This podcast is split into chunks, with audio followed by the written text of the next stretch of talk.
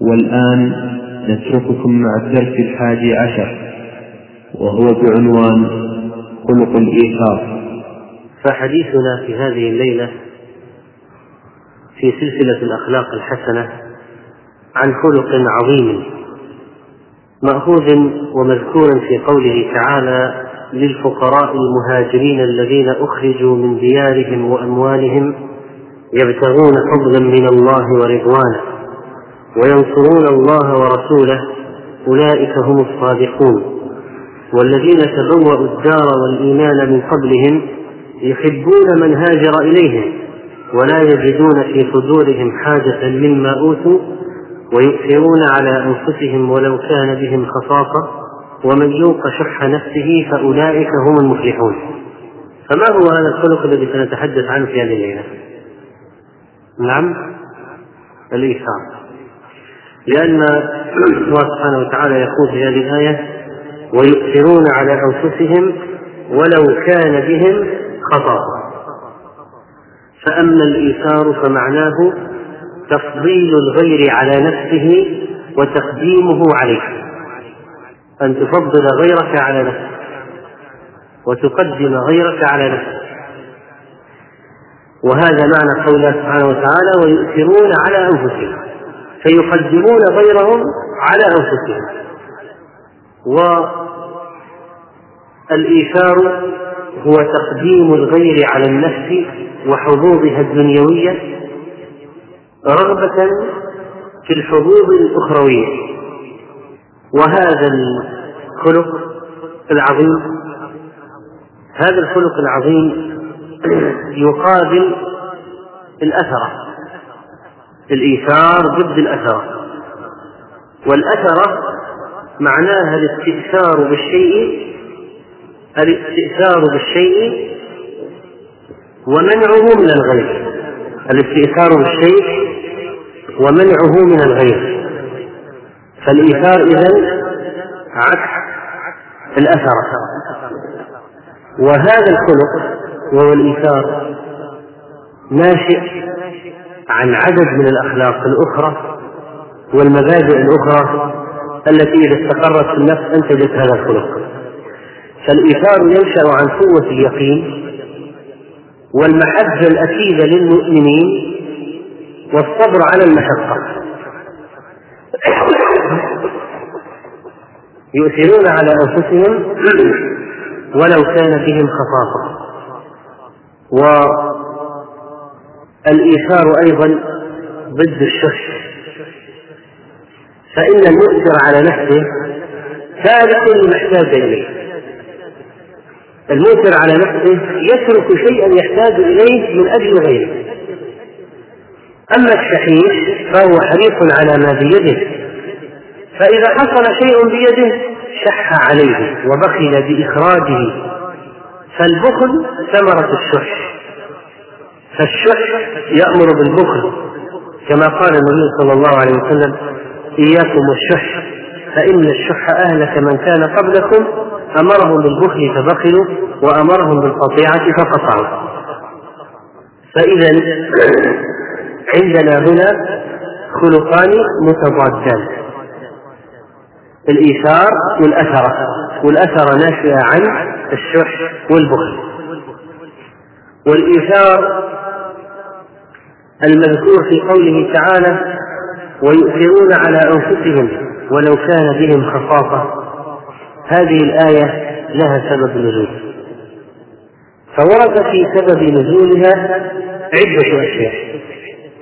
وأشهر ما ورد في سبب نزول هذه الآية الحديث الصحيح الذي أخرجه الإمام البخاري رحمه الله تعالى عن أبي هريرة رضي الله عنه قال جاء رجل إلى رسول الله صلى الله عليه وسلم فقال إني مجهود جائع بلغ بي الجهد الجوع إني مجهود فأرسل إلى بعض نسائه يطلب طعاما لهذا الجائع فقالت والذي بعثك بالحق ما عندي إلا ماء ثم أرسل إلى أخرى فقالت مثل ذلك. حتى كن كلهن مثل ذلك. لا والذي بعثك بالحق ما عندي إلا ما. فقال النبي صلى الله عليه وسلم من يضيف هذا الليلة رحمه الله. دعا له بالرحمة والدعاء من النبي عليه الصلاة والسلام ليس أمرا سهلا ولذلك كانت حافزا لأن ينطلق رجل وينبعث ليقول فقام رجل من الأنصار فقال أنا يا رسول الله. فانطلق به إلى رحله فقال لامرأته هل عندك شيء؟ قالت لا إلا قوت صبياني. قال فعلميهم بشيء. علميهم تلهية بشيء وإشغال بشيء. لتسكيت هذا الجوع إشغالا عن الجوع علميهم بشيء. فإذا دخل ضيفنا فأطفئ السراج وأريه أنا نأكل فإذا أهوى ليأكل فقومي إلى السراج حتى تطفئيه قال فقعدوا وأكل الضيف. فلما أصبح غدا على النبي صلى الله عليه وسلم فقال قد عجب الله من صنيعكما بضيفكما الليلة. هذا لفظ مسلم. ولفظ البخاري أن رجلا أتى النبي صلى الله عليه وسلم فبعث إلى نسائه فقلنا ما معنا إلا الماء؟ فقال رسول الله صلى الله عليه وسلم من يضم أو يضيف هذا؟ فقال رجل من الأنصار أنا. فانطلق به إلى امرأته فقال أكرمي ضيف رسول الله صلى الله عليه وسلم. هذا ليس ضيفا عاديا هذا ضيف رسول الله صلى الله عليه وسلم. فقالت ما عندنا إلا قوت صبيان. فقال هيئي طعامك. وأصبحي سراجك ونومي صبيانك إذا أرادوا عشاء. فلا الخطة حتى لا يحرج الضيف من الطعام القليل. قال هيئي طعامك وأصبحي سراجك يعني أوقدي السراج وأشعليه ونومي صبيانك هناك قال علليهم بشيء ونوميهم هنا. فتعللهم حتى يناموا. مثلا فهيأت طعامها وأصبحت سراجها ونومت صبيانها ثم قامت كأنها تصلح سراجها فأطفأته. تمثيلية فيها تمثيلية. كل ذلك لأجل أن لا يخرج الرجل. قامت كأنها تصلح سراجها. تمده بزيت أو تجعل فيه شيء. فأطفأته عمدا متظاهرة أنها تصلح السراج. فجعل يريانه أنهما يأكلان. طبعا بعض الناس ربما يحصل عنده نفس في بعض القصص وتكون القصة مثلا قبل نزول آية الحجاب لما كان يجوز النظر أو لا يحرم النظر وجلوس المرأة وخدمة المرأة مع الرجل. المرأة للرجال الأجانب مثلا فلا يلتبس هذا عليه. فجعل يريانه أنهما يأكلان. هذه أيضا تمثيلية أخرى. تمثيلية أخرى من أجل أن لا يحس الرجل بالحرج. يتظاهران بالأكل. يتظاهران بالأكل. فبات طاويين الرجل وزوجته والأولاد كلهم ناموا على جوع. فلما أصبح غدا إلى رسول الله صلى الله عليه وسلم ذهب مع الضيف إلى النبي عليه الصلاة والسلام. فقال ضحك الله الليلة أو عجب من فعالكما. طبعا إذا ضحك الله إلى عبد فلن يعدم خيرا من رب يضحك كما قال الأعرابي.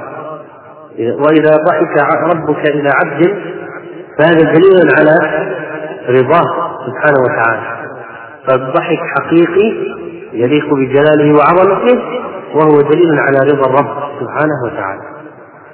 فالله ضحك وعجز من صنيع هذا الرجل الذي بيت أولاده على جوع ونفسه وزوجته من أجل ضيف النبي عليه الصلاة والسلام. ضحك الله الليلة أو عجل من فعالكما. فأنزل الله ويؤثرون على أنفسهم ولو كان بهم خصاصة. ومن يوق شح نفسه فأولئك هم المفلحون. وفي رواية أخرى البخاري عن أبي هريرة أيضا قال أتى رجل رسول الله صلى الله عليه وسلم فقال يا رسول الله أصابني الجهل فأرسل إلى نسائه فلم يجد عندهن شيئا. الرواية الأخرى الماء فقال رسول الله صلى الله عليه وسلم أنا رجل يضيفه هذه الليلة يرحمه الله؟ فقام رجل من الأنصار فقال أنا يا رسول الله. فذهب إلى أهله فقال لامرأته ضيف رسول الله صلى الله عليه وسلم لا تدخرين شيئا ضعي كل ما عندك. قالت والله ما عندي إلا قوت الصبية. قال فإذا أراد الصبية العشاء فنوميهم وتعالي فأطفئ السراج ونقوي بطوننا الليلة ففعلت ثم غدا الرجل على رسول الله صلى الله عليه وسلم فقال لقد عجب الله عز وجل أو ضحك من فلان وفلانة. بالاسم يعني بالاسم. رجل الزوج وزوجته من فلان وفلانة فأنزل الله عز وجل ويؤثرون على أنفسهم ولو كان بهم خصاصة. فأما معنى الخصاصة فالخصاصة هي الحاجة. الخصاصة هي الحاجة. وليست الحاجة العادية لكن الحاجة الشديدة. الحاجة كما يقول أهل اللغة التي يختل تختل بها الحال. يعني إذا وجدت الحال يختل. الخصاصة الحاجة الشديدة. التي إذا وقع الإنسان فيها اختلت أحواله. وأصلها من الاختصاص وهو انفراد بالأمر فالخصاصة الانفراد بالحاجة. فمعنى الآية ويؤثرون على أنفسهم يقدمون غيرهم يعطون غيرهم يقدمون غيرهم على أنفسهم ولو كانوا هم في فاقة وحاجة شديدة. فاقة وحاجة شديدة. وردت قصص أخرى في سبب نزول هذه الآية ذكرها بعض المفسرين. مثل بعض الروايات التي فيها أن ثابت بن قيس ورجل من الأنصار نزل به ثابت يقال له أبو المتوكل وهذه فيها تسمية الشخص الذي نزل والشخص الذي نزل عليه. وكذلك من من الروايات التي ذكرت آه، أهدي لرجل من أصحاب رسول الله صلى الله عليه وسلم رأس شاة فقال إن أخي فلانا وعياله أحوج إلى هذا منا. إن أخي فلانا وعياله أحوج إلى هذا منا فبعثه إليهم فلم يزل يبعث به واحدا إلى آخر حتى تداولها سبعة أبيات. كل واحد يأتيه الرأس يقول هذا جاري أحوج مني. يرسله.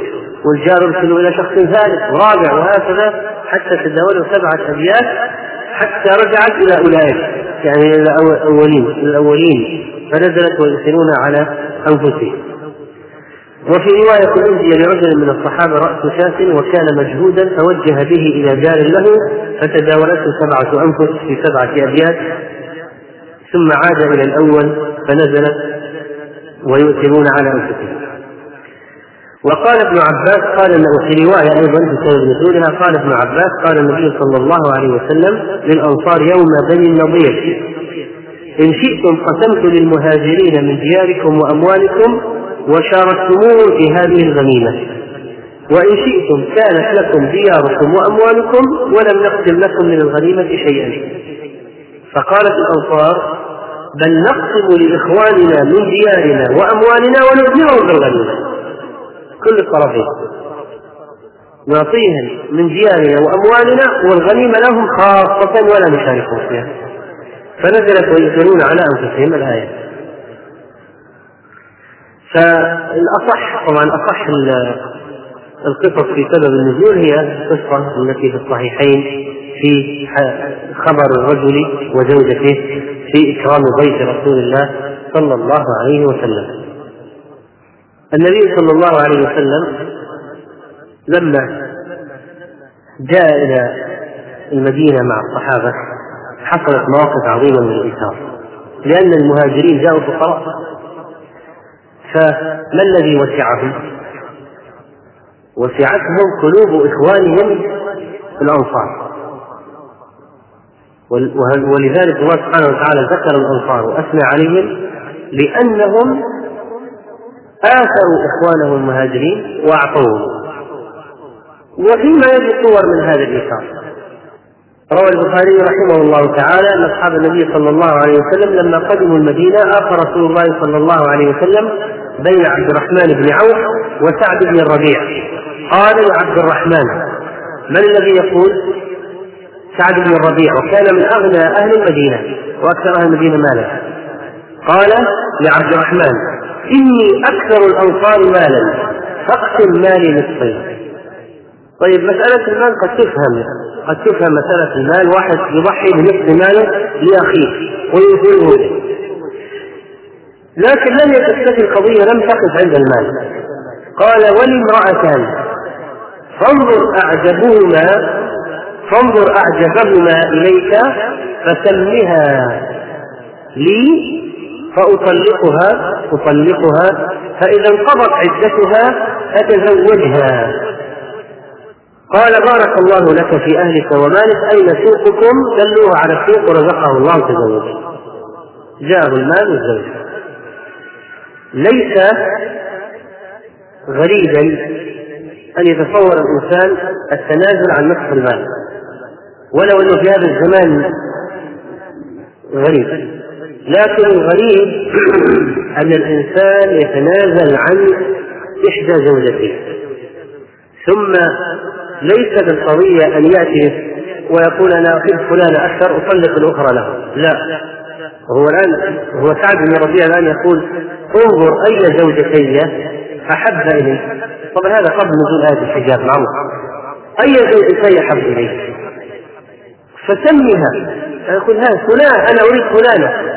وأنا أطلقها وتنتظر حتى تنتهي العدة ثم تتزوجها.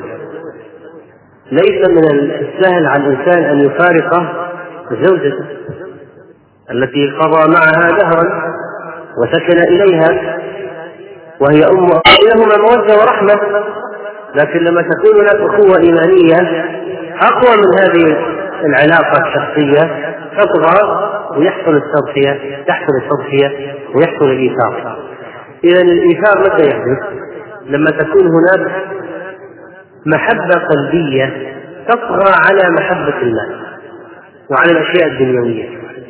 عندما تكون هناك أشياء إيمانية أقوى من الأمور الأرضية والمادية فعند ذلك يحدث التنازل بسهولة فإن بعض الناس ربما يريد أن يتصدق أو يتنازل أو يؤثر لكنه يجد صعوبة بالغة لأن شعوره محكوم بهذه الارتباطات الدنيوية فهي مهيمنة على قلبه. فكيف ينزع هذا المال من نفسه؟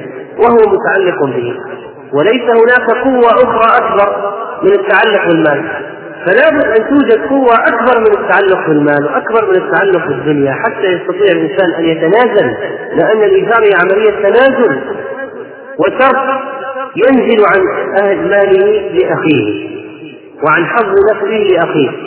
ثم الإنسان إذا كان غني ونزل عن بعض ماله لا غرابة لكن لما يكون محتاج وينزل عن الشيء الذي يحتاجه فهذه أغرب وأغرب. هذه هي المرتبة العالية. مسألة الإيثار عندما تكون به خطي عندما تكون به خصاصة الحاجة الشديدة. وعن أنس بن مالك رضي الله عنه قال دعا النبي صلى الله عليه وسلم الأنصار إلى أن يقطع لهم البحرين. فقالوا لا رفضوا العرض. إلا أن تقطع لإخواننا من المهاجرين مثلها. لماذا نأخذ نحن ولا يأخذون؟ أبدا نحن سواسية أعطيت هناك تعطيهم قال إما لا تصبروا حتى تلقوني فإنه سيصيبكم بعدي أثرة. سيصيبكم بعدي أثرة. وحدث بعد ذلك شيء من التنافس في الدنيا. فالأثرة كما قلنا هي عكس الإيثار. حدثت على عهد النبي صلى الله عليه وسلم حوادث أيضا تنبئ عن الإيثار الموجود عند أفراد ذلك المجتمع وبعض أنواع الإيثار موجود في الطبيعة لكن شاق على النفس مع كونه مركوز في الطبيعة. مثلا أن تؤثر الأم أن تؤثر الأم ولدها على نفسها وعلى راحتها. هذا شيء معروف مركوز في طبيعة الأم. لماذا؟ لحبها الشديد للولد. فهي تضحي بنفسها بحاجتها بنومها براحتها من أجل راحته وطعامه وشرابه وخدمته. فحبها للولد وتعلقها بالولد هو الذي يدفعها إلى هذا الإيثار. هذا إيثار. الأم الآن لماذا جعل الأم جعل لها ثلاثة أرباع البر؟ لماذا؟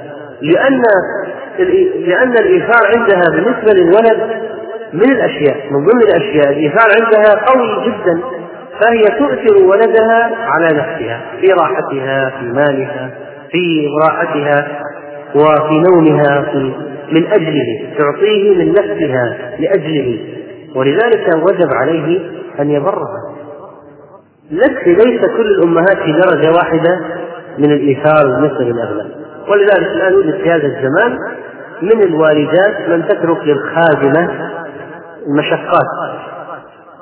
إذا الولد استيقظ في الليل الخادمة هي التي تسكته.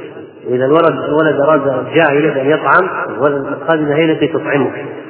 ولذلك الآن لا تعجب من نقص البر. في هذا الزمان لأن أصلا خدمة الأمهات للأبناء نزل مستواها فلذلك بر الأبناء للأمهات نزل مستواها أيضا.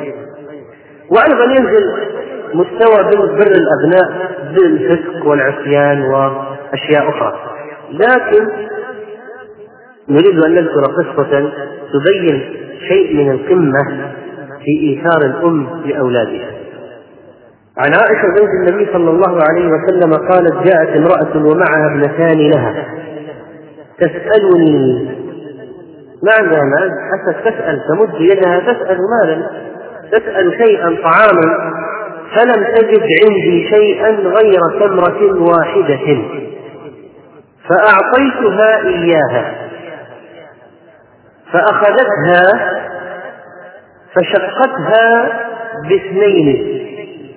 بين ابنتيها ولم تأكل منها شيئا. ثم قامت فخرجت هي وابنتاها فدخل علي رسول الله صلى الله عليه وسلم فحدثته حديثها فقال رسول الله صلى الله عليه وسلم من ابتلي من البنات بشيء فأحسن إليهن كن له سترا من النار. رواه أحمد. في رواية أخرى لأحمد قد تكون هذه المرأة أو غيرها لأن القصة الثانية فيها ثلاث تمرات أنها قالت عائشة جاءتني مسكينة تحمل ابنتين لها. تحمل ابنتين لها. فأطعمتها ثلاث تمرات فأطعمتها ثلاث تمرات فأعطت كل واحدة منهما من بنتيها تمرة ورفعت إلى فيها تمرة لتأكلها. فاستطعمتها ابنتاها. تريدان أخذ التمرة الثالثة من فم الأم. فشقت التمرة التي كانت تريد أن تأكلها بينهما وما أكلت. قالت فأعجبني شأنها فذكرت ذلك الذي صنعت لرسول الله صلى الله عليه وسلم. فقال إن الله عز وجل قد أوجب لها بها الجنة وأعتقها بها من النار. ففي أعمال عظيمة جدا تعظم عند الله تدخل في الميزان بسبب قوة إيمان كانت لحظة العمل.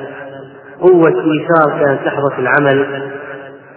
شيء عظيم رافق العمل. مثل الذي يؤجر على نفسه وفيه خصاصة يجعل العمل هذا يدخل في الميزان وتطيش كفة السيئات. فهذه الثمرة التي وجبت لها بها الجنة وأثقت بها من النار بتمرة. و سار الصحابة رضوان الله تعالى عليهم على هذا الخلق العظيم ومن من المواقف العظيمة التي تذكر في إيثار الصحابة آه، قصة عائشة رضي الله عنها مع عمر بن الخطاب. فعن عمرو بن ميمون الأودي قال رأيت عمر بن الخطاب رضي الله عنه قال يا عبد الله بن عمر اذهب إلى أم المؤمنين. الآن عمر طعن اذهب إلى أم المؤمنين عائشة رضي الله عنها فقل يقرأ عمر بن الخطاب عليك السلام ثم سلها أن أدفن مع صاحبي. لأن حجرة عائشة بقي فيها مكان واحد ليدفن أو ذلك القسم به مكان واحد للدفن قبر واحد. فرغب عمر رضي الله عنه أن يدفن بجانب النبي صلى الله عليه وسلم وبكر الصديق. فقالت عائشة رضي الله عنها لرسول عمر كنت أريده لنفسي فلأوثرنه اليوم على نفسي. وهذا من أشق أنواع الإيثار. الإيثار بمثل هذه المنقبة والمكرمة. ولذلك جاء عن عائشة في حديث آخر رواه البخاري يقول وكان الرجل إذا أرسل إليها من الصحابة قالت لا والله لا أوثرهم بأحد أبدا. لما قتل عمر لما طعن عمر وأرسل إليها قالت إي والله لأوثرنه اليوم على نفسي. لما أقبل الرسول لما أقبل الرسول وهو ولد عمر عبد الله. قال له ما لديك؟ قال أذنت لك يا أمير المؤمنين. قال ما كان شيء أهم إلي من ذلك المضجع. فإذا قبضت فاحملوني ثم سلموا ثم قل يستأذن عمر بن الخطاب فإن أذنت لي فادفنوني وإلا فردوني إلى مقابر المسلمين. رواه البخاري. وكذلك عمر رضي الله عنه آثر شخصا يحبه النبي عليه الصلاة والسلام على ولده. في قصة رواها الترمذي عن زيد بن أسلم عن أبيه عن عمر أنه فرض لأسامة بن زيد في ثلاثة آلاف وخمسمائة عطيا بيت المال. راجل وفرض لعبد الله بن عمر في ثلاثة آلاف فقط.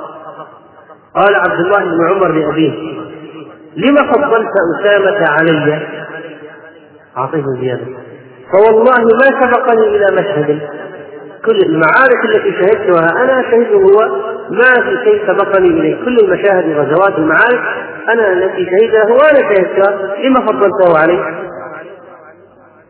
وكان عمر رضي الله عنه طبعا يفضل بحسب السابقة والقرب. مثلا نساء النبي عليه الصلاة والسلام ليست معاملتهن في العطايا المالية مثل بقية النساء. فقال عمر رضي الله تعالى عنه لأن زيدا أبو أسامة كان أحب إلى رسول الله صلى الله عليه وسلم من أبيك وكان أسامة ولده أحب إلى رسول الله صلى الله عليه وسلم منك. فآثرت حب رسول الله صلى الله عليه وسلم على حبي. قال الترمذي هذا حديث حسن غريب. إذا المسألة أحيانا يكون الباعث على الإيثار شيء إيماني يتعلق بقضية مكانة مكانة. ناشئة من شيء شرعي وليست من هوى شخصي لأن بعض الناس الآن يفضلون مثلا بين الأولاد أو يفضل شخص على شخص بدافع عاطفي بدافع هوى بدافع مصلحة بدافع رجاء. أمر أو مكافأة أو جائزة ونحو ذلك فهو يقابل. أما مفاضلة عمر رضي الله عنه وهو الفاروق الذي فرق الله به الحق والباطل فلم يكن في شيء من ذلك أبدا وإنما كان فضل من يحبه النبي صلى الله عليه وسلم على ابنه هو شخصيا. ولا شك أن السلف رحمهم الله قد ساروا على هذا المنوال سيرة عطرة فلو أننا استعرضنا شيئا مما كان عليه السلف رحمهم الله آه، لوجدنا أشياء عظيمة. فمن ذلك ما جاء في موطأ مالك من بلاغاته عن عائشة زوج النبي صلى الله عليه وسلم أن مسكينا سألها وهي صائمة وليس في بيتها إلا رغيف. فقالت لمولاة لها أعطه إياه. فقالت المولاة مولاة عائشة ليس لك ما تفطرين عليه. فقالت أعطيه إياه. قالت ففعلت أو ففعلت. قالت فلما أمسينا أهدى لنا أهل بيت أو إنسان ما كان يهدى ما كان يهدي لنا يعني هذه مفاجأة أهدى إيش؟ شاة وكفنها. شاة وكفنها. ما هو كفن الشاة؟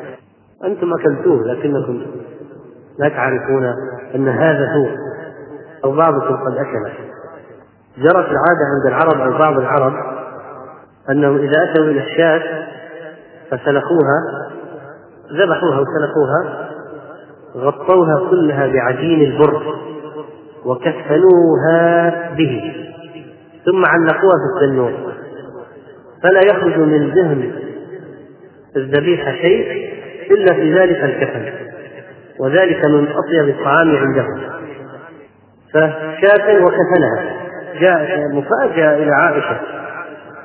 فقالت المولاة فدعتني عائشة فقالت كلي من هذا فهو خير من قرصك. القرص الذي تمنعت عن إعطائه هذا خير منه.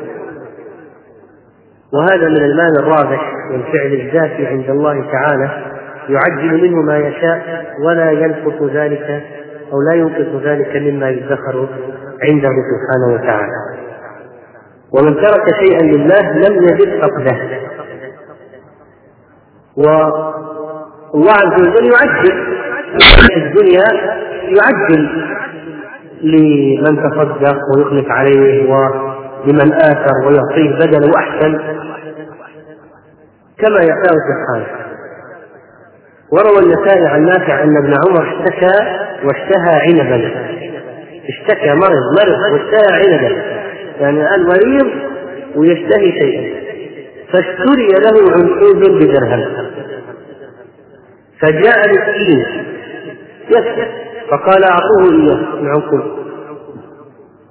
فخالف إنسان فاشتراه بدرهم ثم جاء به إلى ابن عمر.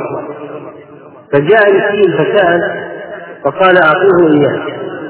ثم خالف إنسان فاشتراه بدرهم نفس العنقود. يتبع المسكين يقول تعال خذ درهم أحسن من العنقود العلم خذ درهم تشتري به ما شئت. أراد السائل أن يرجع. المسألة يعني استحلاها. يجي يطرق الباب ويطلع العنقود ثم يشترى منه درهم وصارت تجارة ويرجع يطرق الباب ويخرج. فمنع. بعض آل عمر منعوه. ولو فرجع فبقي العنقود عند ولو كان ابن عمر رضي الله عنه قد عرف ذلك ما ذاق العنقود لأنه شيء خرج لله لا يمكن أن يعود فيه. لا يمكن أن يعود وقد جاء أيضا عن عبد الرحمن بن سعيد بن يربوع عن مالك الدار أن عمر بن الخطاب رضي الله عنه أخذ أربعمائة دينار. فجعلها في صرة ثم قال للغلام إذهب بها إلى أبي عبيدة بن الجراح ثم تلكأ ساعة في البيت حتى تنظر ماذا يصنع بها. فذهب بها الغلام إليه فقال يقول لك أمير المؤمنين اجعل هذه في بعض حاجتك. فقال وصله الله ورحمه. ثم قال تعالى يا جارية اذهب بهذه السبعة إلى فلان وبهذه الخمسة إلى فلان حتى انتهت انتهت الأربعمائة كلها. انتهت كلها. فرجع الغلام إلى عمر فأخبره فوجده قد أعد مثلها لمعاذ بن جبل. وقال اذهب بهذا إلى معاذ بن جبل وتلكأ في البيت ساعة حتى تنظر ماذا يصنع. فذهب بها إليه فقال يقول لك أمير المؤمنين اجعل هذه في بعض حاجتك. فقال رحمه الله ووصله. كما وصلني. وصله الله. يدعو له بالرحمة والوصل من الله تعالى. وقال يا جارية من هو الذي يقول؟ معاذ.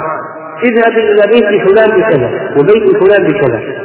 فاطلعت امرأة معاذ من الداخل. فقالت ونحن والله مساكين باطلة نحن لكن كان من التوزيعة ولم يبق في الخرقة إلا ديناران قد جاء بهما إليها. أعطاها اثنين أربعمائة. فرجع الغلام إلى عمر فأخبره فسر عمر بذلك وقال إنهم إخوة بعضهم من بعض. يعني الدين واحد وعقيدتهم واحدة منهجهم واحد ودعوتهم واحدة وطريقتهم واحدة وأخلاقهم واحدة فهم بعضهم من بعض. نفس التصرف نفسه.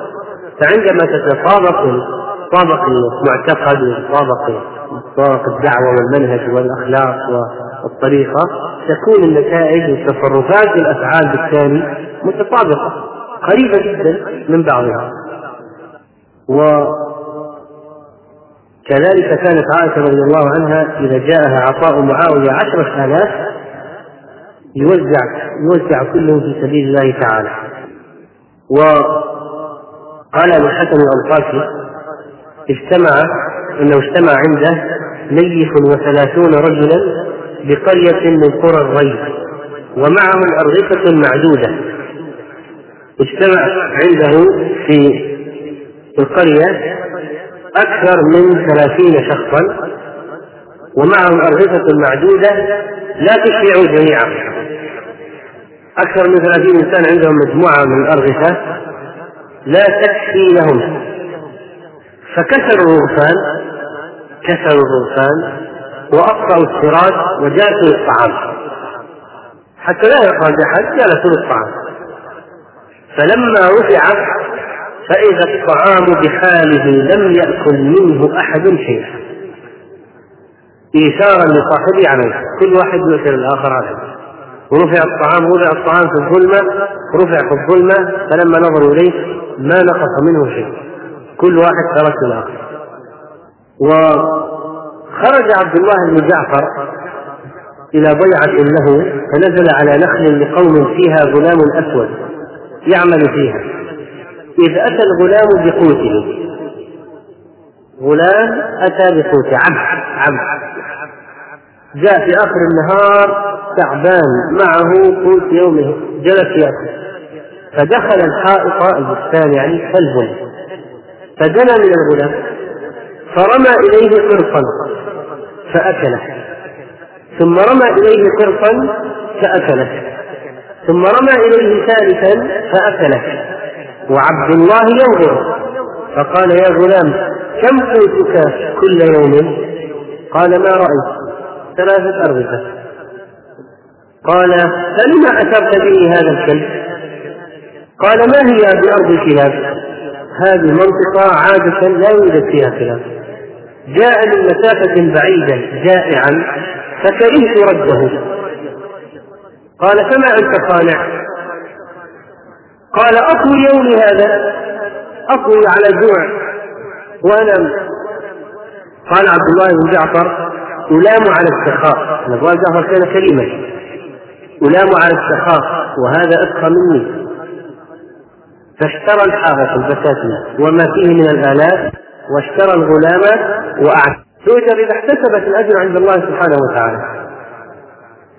وعندما يكون الشخص الذي يؤثر أكثر عبادة وعلما ودينا فلا شك أن الأجر يكون في إيثاره أكبر. ولذلك الإيثار إيثار النبي عليه الصلاة والسلام على النفس ليس كإيثار غيره.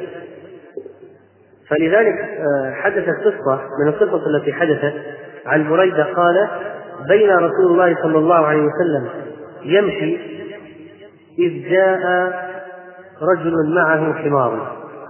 فقال يا رسول الله اركب. يا رسول الله اركب.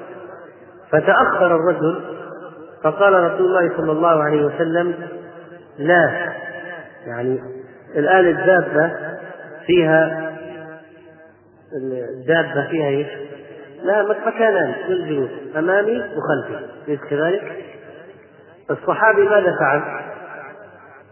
خلونا الزجاج يا أخوان الآن لا تشغلونا بها تحصلون إن شاء الله على الدرس الدابة لها مكانان مكان أمامي وخلفي الرجل جاء على حمار فقال يا رسول الله اركب فتأخر الرجل فقال رسول الله صلى الله عليه وسلم لا أنت أحق بصدر دابتك مني وهذه قاعدة شرعية. أنت أحق بصدر دابتك مني وهذه قاعدة شرعية. صدر الدابة أيا كانت الدابة صدرها من أحق به؟ صاحب الدابة. كذلك صدر المجلس من أحق به؟ صاحب المجلس. فالإنسان لا يجلس في صدر دابة أو صدر مجلس إلا بعد استئذان صاحب المجلس أو الدابة. الصحابي تأخر إلى الخلف. ليركب النبي عليه الصلاة والسلام أمامه آثره بالموضع الحسن. يعني من أنواع الإيثار أن تؤثر غيرك بالموضع الحسن بالموضع أكثر راحة الموضع الأعلى. فقال عليه الصلاة والسلام لا أنت أحق بصدر دابتك مني إلا أن تجعله لي. قال فإني قد جعلته لك. وأصلا الصحابي تأخر لماذا؟ هو أصلا آثر النبي عليه الصلاة والسلام. لكن يؤكد عليه الصلاة والسلام أن الأحقية بإذن لا تسقط إلا بإذن قال فإني قد جعلته لك. فركب صلى الله عليه وسلم. والإيثار عندما نقول إن الإنسان يؤثر بحاجته وحاجة نفسه ويؤثرون على أنفسهم ولو كان بهم خصاصة فمن الشواهد لهذا المعنى قول الله تعالى ويطعمون الطعام على حبه وقول النبي صلى الله عليه وسلم أفضل الصدقة جهد المقل أفضل الصدقة جهد المقل. ولأن المال يحبه الإنسان. فإذا قلنا الآن أي المنزلتين أعلى؟ أفضل الصدقة جهد المقل ولا ويطعمون الطعام على حبه أو وآتى المال على حبه أيهما أعلى؟ أيهما أعلى منزلة؟ أفضل الصدقة جهد المقل أم ويطعمون الطعام على حبه أو وآتى المال على حبه؟ أيهما أرفع؟ أعلى؟ أصعد نعم؟ أفضل الصدقة جهد المقل. أن هذا كل ما عنده. أما ذاك فما من أحد إلا يحب المال حتى الغني الذي عنده ملايين. لو أخرج مليون. ألا يحب هذا المال؟ فهو صحيح يؤجر لأنه آتى المال على حبه وهو يحب الشيء أعطاه. لكن الذي يعطي الشيء وهو يحتاجه ليس فقط يحبه يحتاجه هذا أجره أكبر إذا الأجور تتفاوت بحسب الحاجة إلى الشيء. إذا آثرت به فإن أجرك يعظم كلما كان الشيء الذي أنت تؤثر به أنت إليه أحوج. وأنت وأنت إليه بضرورة ولذلك هؤلاء الذين يتصدقون وهم يحبون ما تصدقوا به. قد لا يكون لهم به حاجة ولا ضرورة. يعني هم يحبون المال الذي يتصدقوا به ما حد ما يحب المال. لكن لا لم يصل عندهم إلى درجة الحاجة والضرورة. لكن الذي يؤثر على نفسه وبه خصاصة هذا أجره أكبر. أجره أكبر. آه الآن الذي تصدق الصديق رضي الله عنه من أصحاب المقام الرفيع المقام الأول آه لما تصدق بماله كله فقال عليه الصلاة والسلام ما أبقيت لأهلك قال أبقيت لهم الله ورسوله. فهذا الرجل يجوز أن يتصدق بجميع ماله إذا كان يصبر. طيب فإذا كان واحد لا يستطيع أن يصبر لو تصدق بماله كله مد يده للناس. هل إيثاره محمود أم لا؟ هل إيثاره محمود؟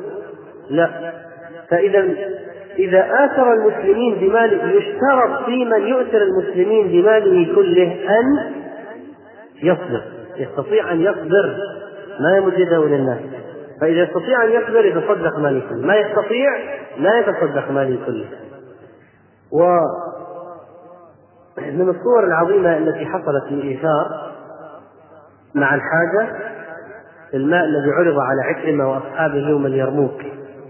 فكل منهم يأمر بدفعه إلى صاحبه وهو جريح مثقل أحوج ما يكون إلى الماء. كل واحد يرده إلى الآخر إلى الثالث. فلما وصلوا إلى وصل إلى الثالث وأمر النبي يرجي الأول وجد الأول قد مات والثاني قد مات والثالث قد مات ولم يشربه أحد منهم رضي الله عنهم. لم يشربه أحد منهم رضي الله عنهم إيثار هذا بمنتهى الحاجة. الجريح من أحوج الأشياء أحوج الأشياء وهو في هذه اللحظة العصيبة يريد ماء يستسقي يقول أعطوني ماء ثم في هذه اللحظة يؤثر غيره. نريد أن ننتقل الآن إلى مسألة وهي قضية الإيثار بالطاعات. ما حكم الإيثار بالطاعة؟ مثلا يأتي إنسان الصف الأول في مكان لشخص واحد فماذا يفعل؟ يعني نناقش كما قلنا للإخوة نناقش نريد أن نناقش بعض الأحكام الفقهية المتعلقة بكل خلق من الأخلاق أما هذه المسألة من المسائل التي فيها أقوال لأهل العلم مسألة الإثار بالطاعات والقرب. فما هو حكم الإيثار بالطاعات والقرب؟ من الأقوال التي جاءت عن بعض أهل العلم ما يلي؟ قبل الدخول في هذه المسألة لا بد أن نعلم أن الإثارة على نوعين. إيثار غير على مدخل المسألة الفقهي مدخل لهذه المسألة الفقهية أن نعلم أن الإيثار على نوعين. إيثار غير على النفس أن تؤثر غيرك على نفسك بالحظوظ الدنيوية مال طعام لباس. أحيانا وظيفة سباق على وظيفة. هذه تحدث. سباق على وظيفة. مكان شاغر وظيفة شاغرة لشخص واحد. هناك اثنان كلاهما يريد الوظيفة. لو تركتها لأخيك المسلم ابتغاء وجه الله فهذا إيثار تؤجر عليه. أحيانا يكون لخطبة فتاة. أنت وشخص تقدمت كل واحد تقدمتما معا في نفس الوقت. فإذا آثرته وتركت له هذه الفتاة وانسحبت أنت من موضوع الخطبة لأجل لصالحه هذا إيثار مع أنك قد يكون بك تعلق بهذه بهذا البيت أو بهذه الفتاة أو تريد هذه الفتاة فتركتها لله تعالى. إيثارا لأخيك المسلم. أحيانا اختيار شخص لدورة اختيار شخص لبعثة اختيار شخص لمنصب اختيار شخص لوظيفة يحدث تشاح ازدحام في في المسألة المعروضة. أكثر من شخص يريدها. لو كان الشخص المتقدم الآخر مبتدع كافر فاجر لو جاء في هذه الوظيفة أو هذه البعثة أو هذا المنصب أو هذا الشيء فأنت ليس ليس صحيحا على الإطلاق أن تؤثره. كيف تؤثره؟ لكي يتبوأ منصبا أو يأخذ ميزة أو زيادة ثم يفسق بها أو يهجر بها أو يتسلط بها على المسلمين. هذا لا يكون أبدا. فأنت تنافس وتزاحم ولا مجال للإيثار هنا حتى في هذه القضية الدنيوية. لا مجال للإيثار. لكن أخوك المسلم التقي النقي الذي لو أنه صار في هذا المكان لنفع المسلمين أيضا مثل نفعك وربما أكثر. فإن إيثاره بهذه الوظيفة أو هذه الميزة من التطبيق لهذا الخلق العظيم وأمر تؤجر نعود نقول الإيثار نوعان إيثار الغير على النفس في الحظوظ الدنيوية وهذا محبوب مطلوب. ما حكمه الشرعي إذا كان يؤثر أخاه المسلم؟ كما قلنا هذا أمر محبوب مطلوب يؤجر عليه كمن آثر غيره على نفسه بطعامه أو بشرابه وهو يحتاجه أو آثر غيره بالحياة.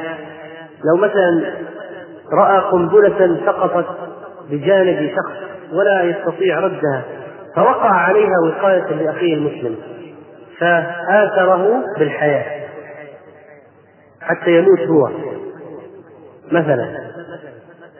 أو الجندي مثلا آثر حياة قائده. فرأى من يطلق عليه رصاصا فاعترض الطريق لكي لا يصيب القائد. لينفع المسلمين أكثر. إذا هذا إيثار. ما الذي آثر؟ آثر آثر الآخر بالحياة وتعرض هو للموت في مقابل ذلك. فطبعا الإيثار بالحياة هذا أعلى درجات الإيثار. وهذا الذي فعله أبو طلحة والصحابة بحضرة النبي عليه الصلاة والسلام. النبي عليه الصلاة والسلام يريد أن ينظر أين تقع السهام وأبو طلحة يتطاول يقول يا رسول الله نحن دون نحرك. لا يصيبك الخوف نحن دون نحرك. فإذا الأشياء التي يؤثر بها قد تكون أشياء دنيوية. فإذا كنت تتنازل عن شيء دنيوي لأخيك المسلم فهذا إيثار ولو كنت محتاجا إليه إيثار مع الخصاصة تؤجر عليه أجرا عظيما طيب قد يكون الشيء الذي تؤثر به أمرا أخرويا ليس أمرا دنيويا فهل يجوز أن تؤثر به أم لا؟ هذه هي المسألة الآن إيثار في الحظوظ الأخروية. إيثار في الحظوظ الأخروية. هذا النوع قد اختلف العلماء فيه. ما حكم الإيثار في الحظوظ الأخروية؟ كما قلنا مثلا آه، تقدم يتقدم للصف في فرجة لا تتسع إلا لشخص واحد. لا شك أن هذه هذه الخطوة إلى هذه الفرجة أمر عظيم وقرب إلى الله سبحانه وتعالى وشرف فهل تتركه ينالها وتتوقف عن التقدم لأجله أم ماذا؟ فنقرأ كلام الفقهاء قال ابن عابدين في حاشية الأشباه للحموي وإن سبق ينقل وإن سبق أحد إلى الصف الأول فدخل رجل أكبر منه سنا أو أهل أو من أهل العلم يعني أعلم منه. ينبغي أن يتأخر ويقدمه أن يتأخر ويقدمه تعظيما له. انتهى. فهذا يفيد جواز الإيثار بالقرب بلا كراهة. ونقل العلامة البيري البيري فروعا تدل على عدم الكراهة. ويدل عليه قوله تعالى ويؤثرون على أنفسهم ولو كان بهم خصاصة. وما ورد من أنه عليه الصلاة والسلام أتي بشراب فشرب منه وعن يمينه غلام وعن يساره أشياخ. فقال للغلام أتأذن لي أن أعطي هؤلاء؟ فقال الغلام لا والله لا أوثر بنصيبي منك أحدا. قال فتله رسول الله صلى الله عليه وسلم في يده. وضع في الغلام. ولا ريب أن مقتضى طلب الإذن مشروعية ذلك. يعني كل النبي عليه الصلاة والسلام قال للغلام تأذن معناها أن هذا جائز ومشروع ليقدم الأشياخ عليه. مشروعية ذلك بلا كراهة. وإن جاز أن يكون غيره أفضل منه. وينبغي تقييد انتهى. وينبغي تقييد المسألة بما إذا عارض تلك القربة ما هو أفضل منها. كاحترام أهل العلم والأشياخ كما أفاده الفرع السابق والحديث. وينبغي أن يحمل عليه ما في النهر كتاب الحنفية من قوله. فإذا قالوا يؤثر بالقربة من أجل واحد أعلم أو واحد أكبر احتراما وتوقيرا هذا انتهينا من كلام الحنفية كلام الشافعية بعد الأذان إن شاء الله. الكلام عن بعض علماء الحنفية بعدم آه، كراهية ذلك وكما قال ابن عبد رحمه الله في الحاشية كما لو كان في الصف الأول فلما أقيمت آثر به وقواعدنا لا تأباه. وقواعد المذهب لا تأبى هذا النوع من الإيثار. أما السيوطي وهو من الشافعية فيقول الإيثار في القرب مكروه وفي غيرها محبوب. قال تعالى ويؤثرون على أنفسهم ولو كان بهم خصاصة وقال النووي في باب الجمعة لا يقام أحد من مجلسه ليجلس في موضعه.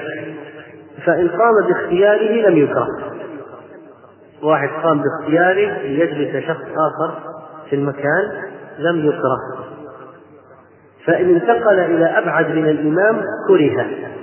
لو هذا الذي قام انتقل لمكان أبعد من الإمام كره. قال أصحابنا لأنه آثر بالقربة. المكان الأقرب إلى الإمام هو الأفضل. فإذا تركه لغيره قام إلى مكان أبعد معناها ماذا ماذا فعل؟ آثر غيره بالقربة ما حرص هو على الأجر وإنما تركه لغيره. فقالوا هذا يكره. وقال القرافي من دخل عليه وقت الصلاة ومعه ما يكفيه لطهارته وهناك من يحتاجه للطهارة لم يجوز له الإيثار. لا يجوز الإيثار. معك ماء تحتاج إلى الطهارة. لا تستطيع أن تقسمه بينك وبين غيرك. واحد ما عنده ماء. هل تقدم نفسك أو تقدم الرجل هذا؟ الآخر قال القرافي لم يجوز له الإيثار. ولو أراد المضطر إيثار غيره بالطعام باستبقاء مهجته كان له ذلك وإن خاف فوات مهجته. لكن إذا انتقلنا لقضية الطعام كنت وإياه في مهلكة في برية. ما في عند لا معك إلا طعام يكفي لقمة لشخص واحد يعيش والثاني يموت. فأعطيته ومت أنت فلا حرج في هذا ولا يعتبر لا يعتبر منتحرا أو لا يعتبر قاتل نفسه. لأنه آثره بشيء من الدنيا. العز بن عبد السلام رحمه الله له كلام في قواعد الأحكام في هذه المسألة. وهي قضية الإيثار بالطاعات والقرب فالقرب تعريف القرب ما هو؟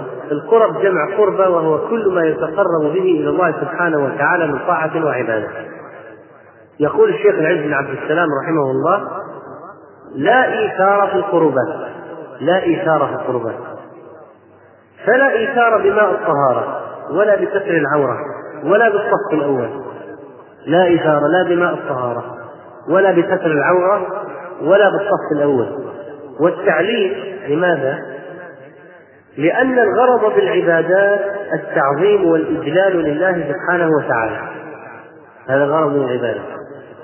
فمن آثر به غيره فقد ترك إجلال الإله وتعظيمه لكي يجله يجله غيره غيره ويعظمه لا هذا أولى أن يجل الله ويعظمه هذا المقصود من القربات إجلال الله وتعظيمه. أنت أولى أن تجل الله وتعظمه من أن تقول لغيرك أو تفتح لغيرك المجال ليجل ويعظم. فمن ترك فمن آثر به غيره فقد ترك إجلال الإله وتعظيمه فيصير بمثابة من أمره سيده بأمر فتركه وقال لغيره قم به فإن هذا يستقبح عند الناس بتباعده من إجلال الآمر وقربه. يعني كانت تقول آه، خذ الأجر يا أخي خذ اشبع في الأجر خذ. آثرت خذ. فكأن يقول هذا يعني من التواني عن القيام بالعبادة والترك للآخرين. أنت أولى أنت أولى بالحسنات. قال وقد يكون الإيثار في القرب حراما أو مكروها أو خلاف الأولى. قسم إلى ثلاث أقسام. فمثال الإيثار المحرم لا يجوز أن تؤثر فيها. إيثار غيره بماء الطهارة حيث لا يوجد غيره. إذا ما وجد غير هذا الماء أنت أولى. الماء عندك أنت أولى من غيرك. ولا تجوز أن تؤجر به. أو إيثار غيره بستر العورة في الصلاة. مساجين أو ناس عدا عليهم النصوص أخذوا ثيابهم بقيت قطعة خرقة مع واحد. هل يعطيها لغيره؟ لا. هو يستر عورته في الصلاة. فمثال الإيثار المحرم إيثار غيره بماء الطهارة حيث لا يوجد غيره أو إيثار غيره بستر العورة في الصلاة أو يؤثر غيره بالصف الأول ويتأخر هو. هذا عند العز رحمه الله من قسم المحرم. ومثال المكروه أن يقوم رجل عن مجلسه في الصف لغيره. يترك مثلا الصف الأول ويرجع وراء ويقول تفضل الآخر أنت اجلس مكاني. أو في الجمعة يترك المكان الأقرب للإمام ويرجع هو. هذا إيثار مكروه استغنى عن الأجر وكان ابن عمر إذا قام له رجل من عن مجلسه لم يجلس فيه كما رواه مسلم في صحيح ومثال خلاف الأولى كمن آثر غيره بمكانه في نفس الصف. في نفس الصف. والحاصل أن الإشارة إذا أدى إلى ترك واجب فهو حرام كالماء وستر العورة. وإن أدى إلى ترك سنة أو ارتكاب مكروه فمكروه. أو لارتكاب خلاف الأولى مما ليس فيه نهي مخصوص فخلاف الأولى. فهذا إذا رأيه في هذه المسألة. طيب ننتقل إلى ابن القيم رحمه الله. له كلام في زاد المعاد الكلام في مدارج السالكين. أما الكلام الذي في زاد المعاد فيقول رحمه الله في فوائد حديث أو قصة الصحابي الذي طلب من الآخر أن أبو بكر الصديق لما طلب من المغيرة بن شعبة أن لا يبشر النبي عليه الصلاة والسلام بقدوم وفد الطائف مسلمين وإنما قال أنا أنا أريد أن أبشرهم رجى المغيرة أن لا يأتي بالبشارة وإنما هو الذي يأتي بها أن لا يسبقه المغيرة بالبشارة. الموضوع ما هو؟ تبشير النبي عليه الصلاة والسلام بقدوم أهل الطائف مسلمين. طبعا خبر سار وإخبار النبي عليه الصلاة والسلام بما يسره ما هو؟ قربة وطاعة. الصديق ماذا طلب من المغيرة؟ أن لا يسبقه بالخبر وأن يكون هو الذي يخبر. طيب. قال ولهذا ناشد المغيرة أن يدعه هو يبشر النبي صلى الله عليه وسلم بقدوم وفد الطائف ليكون هو الذي بشره وصرحه بذلك. وهذا يدل على أنه يجوز للرجل أن يسأل أخاه أن يؤثره بقربة من القرب وأنه يجوز للرجل أن يؤثر بها أخاه. وقول من قال من الفقهاء لا يجوز الإيثار بالقرب لا يصح. وقد آثرت عائشة عمر بن الخطاب بدفنه في بيتها جوار النبي صلى الله عليه وسلم وسألها عمر ذلك فلم تكره له السؤال ولا لها البذل وعلى هذا. فإذا سأل الرجل غيره أن يؤثره بمقامه في الصف الأول لم يكره له السؤال ولا لذلك البذل. لا للسائل يكره أن يسأل صاحبه أن يدعه قبل الصف الأول ولا للباذل أن يبذل. ومن تأمل سيرة الصحابة وجدهم غير كارهين لذلك ولا ممتنعين منه. وهل هذا إلا كرم وسخاء؟ وإيثار على النفس بما هو أعظم محبوباتها وهو الأجر والثواب. تفريحا لأخيه المسلم وتعظيما لقدره وإجابة له إلى ما سأله. يعني أنت وإن تنازلت عن المقام الصف الأول لكن أنت ماذا كسبت في المقابل؟ زيادة محبة أخيك و آه، إدخال السرور عليه ونحو ذلك. وترغيبا له في الخير. وقد يكون ثواب كل واحد من هذه الخصال راجحا على ثواب تلك القربة. يعني لا تستهين بقضية إدخال السرور على أخيك المسلم يمكن فضل إدخال السرور عليه أعظم من فضل إيش؟ القربة نفسه. فيكون المؤثر بها ممن تاجر. فبذل قربة يعني ضحى بقربة وأخذ أضعافها. وعلى هذا فلا يمتنع أن يؤثر صاحب الماء بمائه أن يتوضأ به ويتيمم هو. إذا كان لا بد من تيمم أحدهما. فآثر أخاه. وحاز فضيلة الإيثار وفضيلة الصهر بالتراب ولا يمنع هذا كتاب ولا سنة ولا مكارم الأخلاق. وعلى هذا فإذا اشتد العطش بجماعة وعاين السلف ومع بعضهم ماء فآثر على نفسه واستسلم للموت كان ذلك جائزا. ولم يقل إنه قاتل لنفسه ولا إنه فعل محرما. بل هذا غاية الجود والسخاء كما قال تعالى ويؤثرون على أنفسهم ولو كان بهم خصاصة.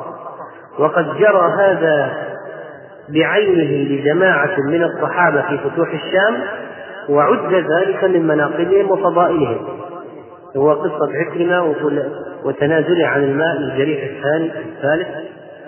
وهل إهداء القرب المجمع عليها والمتنازع فيها إلى الميت إلا إيثار بثوابها؟ لكن أنت الآن إذا وهبت حج لوالدك. ماذا تعني هذه الهبة؟ أنك آثرته بأي شيء؟ بثوابها. وهو عين الإيثار بالقرب. فأي فرق بين أن يؤثرهم بفعلها ليحرز ثوابها وبين أن يعمل ثم يؤثره بثوابها؟ وبالله التوفيق. فيقول ابن يقول يعني لا فرق أنك انت يقول ما دام الشريعة أقرت هبه الثواب للميت مثلا حج عن أبيك واعتمر من كان عليه صيام صام عنه أو اعطاؤه افاتصدق عنها؟ قال نعم. يعني أقر الصدقة عن الميت. قالوا الصدقة هبه الثواب فهل في فرق بين أن نعمل الخير ونهبه الثواب وبين أن نفتح له له مجال أصلا ونتنازل له عن هذا العمل الخيري اللي يعمله هو؟ هذا كلام ابن القيم رحمه الله. ازداد في المجلد الثالث من طبع الدار الثالث تعليق على فوائد غزوة أو فوائد القصة في أهل الطائف. في مدارج السالكين ابن القيم رحمه الله قال في درجات الإيثار قال الدرجة الأولى أن تؤثر الخلق على نفسك فيما لا يخرم عليك دينا ولا يقطع عليك طريقا يشرح الآن العبارة ولا يفسد عليك وقتا. قال ابن القيم يعني أن تقدمهم على نفسك في مصالحهم مثل أن تطعمهم وتجوع وتكسوهم وتعرف وتسقيهم وتظمأ بحيث لا يؤدي ذلك إلى ارتكاب إسلاف لا يجوز في الدين. ومثل أن تؤثرهم بمالك وتقعد كلا مضطرا مستشرفا للناس سائلا. وكذلك إيثارهم بكل ما ما يحرمه على المؤثر دينه فإنه سفه وعجز يذم المؤثر به يذم المؤثر به المؤثر به عند الله وعند الناس.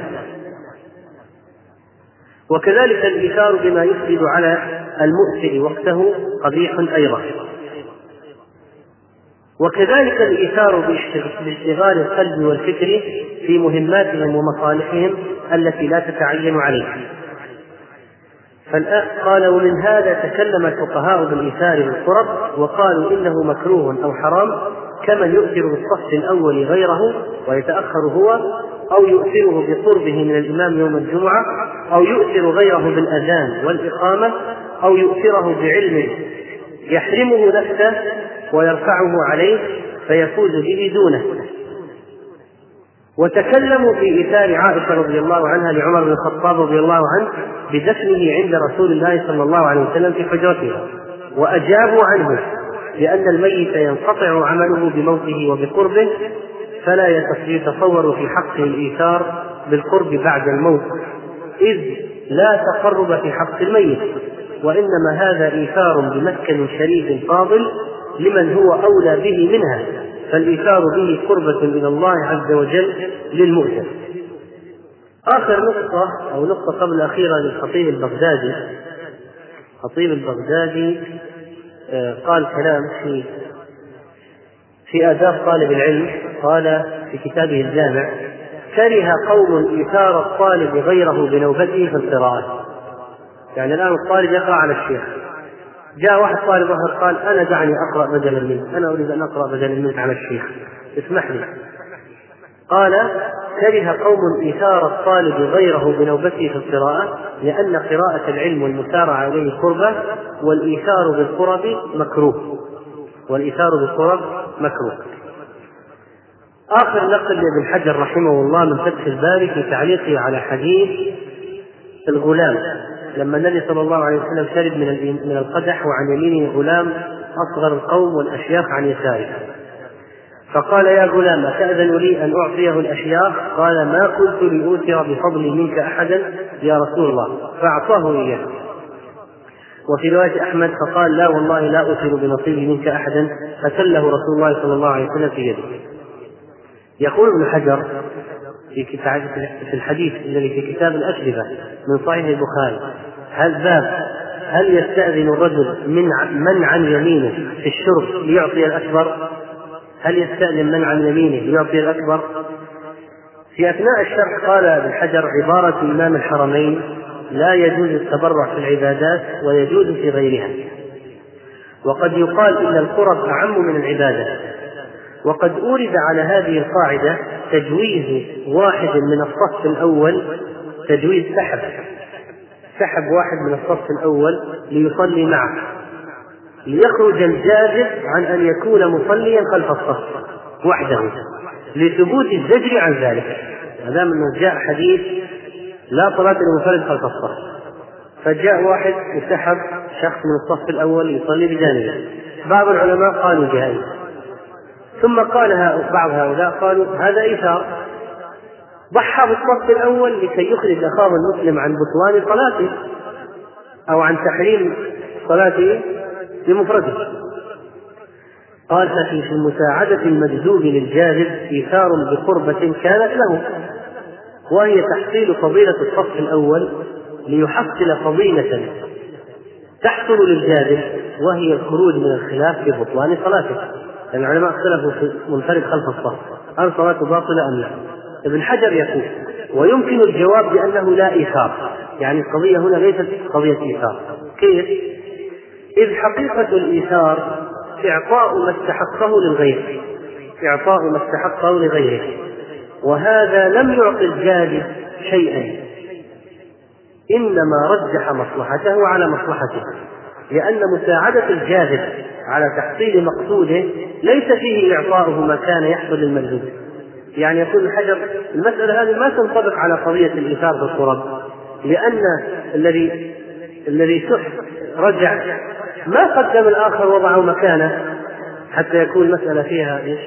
إيثار بالقربة وإنما رجع ليحصل مصلحة أخيه في أنه لا تبطل صلاته طبعا في واحد دخل مسجد وحصل جماعة صف كاملين فسحب واحد ودخل مكانه لأن هذه قلة الذوق الخلف طبعا مسألة سحب واحد من الصف الصحيح إنها لا تفعل لأنك إذا سحبت واحد من الصف فتحت فرجة الصف وجعلت كل نصف الصف يتحركون لأجل إغلاق الفرجة. وما استفدنا شيء لأن الفرجة ستبقى أين؟ الأخير في اخر الصف فرجة الشخص. وفيها تشويش على المسحوب والتشويش عليه في صلاته. وفيها نقل له من موضع الفاضل إلى الموقع الموضع الاقل فضلا بدون ذنب منه. فالسحب يظهر أن مفاسده أكثر من مصالحه. ولذلك على الذي دخل أن يبحث عن مكان ما وجد بجانب الإمام ما وجد ينتظر شخصا آخر يأتي من خارج يصلي معه. ما وجد بعض العلماء يقول يصلي وحده وراء الجماعة مقتديا بالإمام وصلاته صحيحة ولا يكلف الله نفسا إلا وسعها. ولا يسحب واحد للمفاسد. طب الآن نعود إلى تلخيص القضية كلها قضية الإيثار والطرب ما هي طبعا واضح ان هناك خلاف في مسألة الإيثار بالصف الأول والأذان والعبادات. هل هي يعني هناك خلاف في المسألة؟ هل هي جائزة؟ هل هذه العملية جائزة مباحة مكروهة؟ في أقوال تتراوح بين الكراهية والاستحباب. يعني كلام ابن القيم يفهم من استحباب. كلام العز بن عبد السلام يفهم منه بقضية الجذب التحريم أو الكراهية. فهذه طبعا من المسائل المسائل الشائكة. لكن هناك أمور واضحة. اولا من آثر غيره بمحرم. مثلا اثنين تنافسوا على امرأة للزنا بها. قام واحد طلع عنده أريحية قال خذها لك فهذا إيثار سيء وإثم ولا يؤجر ولا يتصور عليه اجر البته أو من أثر غيره بسكر أو حفلة ما في إلا بطاقة واحدة حفلة محرمة. تدري؟ ساجرك بها خذ أنت روح بذلك هذا إيثار سيء. طيب.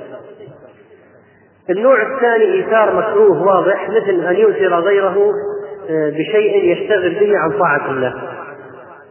قال تدري والله هذه اللعبة يا فلان مسلية. فانا الحقيقة ساؤثرك بها. خذها أنت واشتغل بهذا الجيمز وهذه اشتغل بها وضيع عليه وقته. فهذا إيثار أدى إلى إيش؟ إضاعة وقت الشخص الآخر. فهذا إيثار أيضا ليس مستحبا ابدا. طيب. في الجانب الآخر في أيضا من الأشياء الواضحة إذا اثرت غيرك بماء في البر في مخمصة أو بطعام ومت أنت ليشربه هو فهذا مستحب لا يعتبر انتحار ولا قتل نفس جائز طيب تؤجر عليه.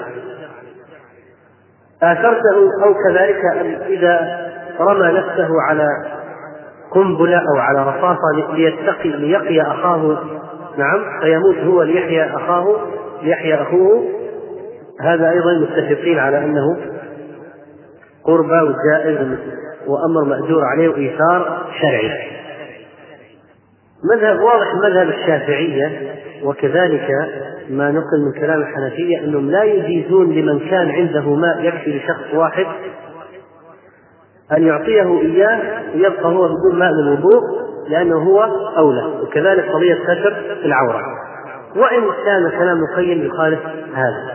لكن يعني هو مخاطب بتحقيق شروط الصلاة وهو أولى أن يحرص عليه بقينا في قضية الآن القرب الأخرى. مثلا تنافسوا على الأذان. تنافسوا على فرجة في الصف الأول. فالذي أراه في هذه المسألة والله أعلم أن هناك تزاحم مصالح. الأذان له أجر والصف الأول له أجر. طبعا هذه مصلحة. الناحية الثانية تفريح أخاك المسلم. تفريحك لأخيك المسلم. إدخال السرور عليه. بإتاحة المجال له لهذا العمل. أو حتى لو جاء إنسان يريد إيصال بالسيارة اثنين ثلاثة من الذي يوصله ليكسب الأجر. مثلا يعني. وقف على ذلك من الأشياء الكثيرة. الذي أقوله إن هذه المسألة فيها تزاحم مصالح. فإن كان الشخص الذي يترك العمل الصالح لأخيه والمجال لشخص واحد تركه لأخيه تهاونا وتكاسلا قال خلاص خذه يا ليش تعب خذه تعب نفسك. إن كان تنازله عنه تساهلا واستهانة بالأجر فهذا إيثار غير شرعي. هذا إيثار غير شرعي. إذا كان الباعث على التنازل الاستهانة بالأجر. وإذا كان لو تنازل لو أنه زاحمه سيكون بينهما شحناء أو بغضاء فربما يكون يعني كما قال ابن القيم رحمه الله مصلحة التنازل له أكثر وأفضل وأعلى فإيثاره في هذه الحالة. إذا سيكون بينهما نتيجة الازدحام على على هذه الطاعة. شحناء بغضاء عداوة التنازل له أحسن وأفضل. وتحتسب أنت أجر العمل وأنك ما تخليت عنه كسلا. وإنما تخليت عنه إيش؟ سدا لباب الشيطان أو تفريحا لأخيك المسلم. وباقي ذلك من الحالات التي لا يكون فيها مفسدة لو زاحمت فيها فالذي أراه أن الإنسان لا يفرق في الطاعات وهو يبادر ما لم تكن مصلحة الترك أعلى فهو عليه أن يبادر ويزاحم في الخير وفي ذلك فليتنافس المتنافسون بقي بقي كلام يسير لكن الوقت الان ضاق. آه، عن اكمال الموضوع فنكتفي بالنهاية بهذه الخلاصة في موضوع الايثار في القربات والطاعات والله أعلم. ونسأل الله تعالى ونتوجه إليه قائلين اللهم أعطنا ولا تحرمنا وأكرمنا ولا تهنا وزدنا ولا تنقصنا وآثرنا ولا تؤثر علينا. وصلى الله على نبينا محمد.